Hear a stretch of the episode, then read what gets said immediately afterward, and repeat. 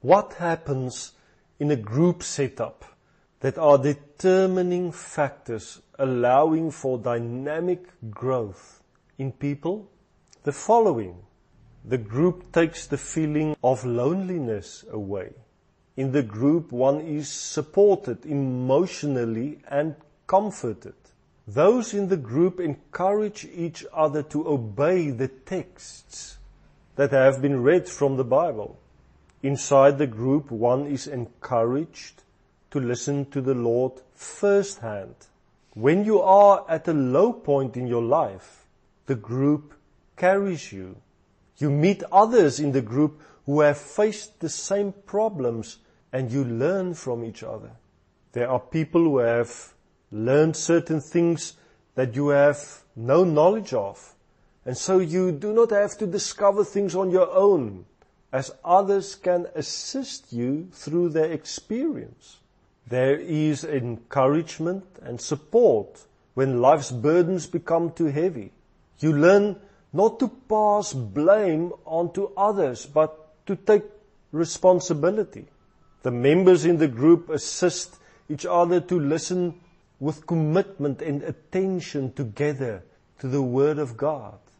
There is a wonderful dynamic in that those in the group hold each other accountable, not in condemnation, but in an encouraging way with regard to the journey of being obedient.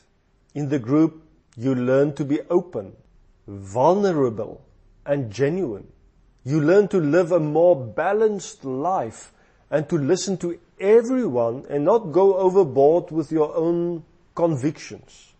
In a group, you learn how to live a fulfilled life and to be obedient to God. Not concentrating on problems all the time and not to entice debates on theological issues. You are helped to stay focused on what Jesus is saying to you right at the moment. You are taught to lay down your life and not live for yourself only by becoming involved with other people's needs and challenges. And you learn to reach out to others.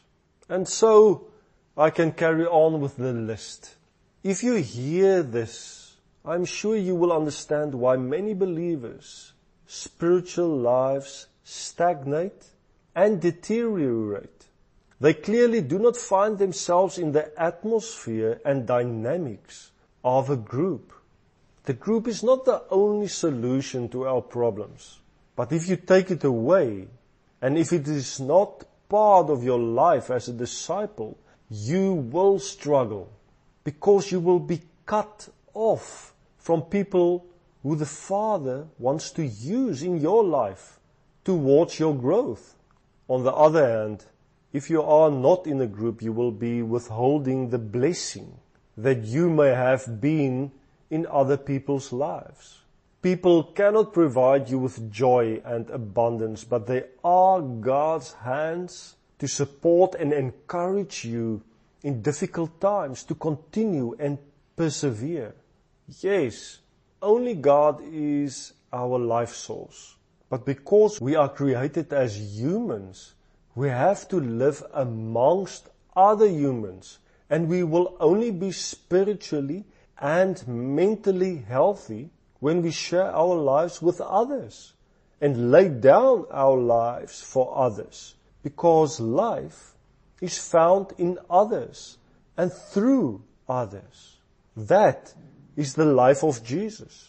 You may have the life of Christ in you, but you cannot transmit it to others if you are not in a group where you can function and communicate. Love is meant to be shared and you can only share it in the presence of other people.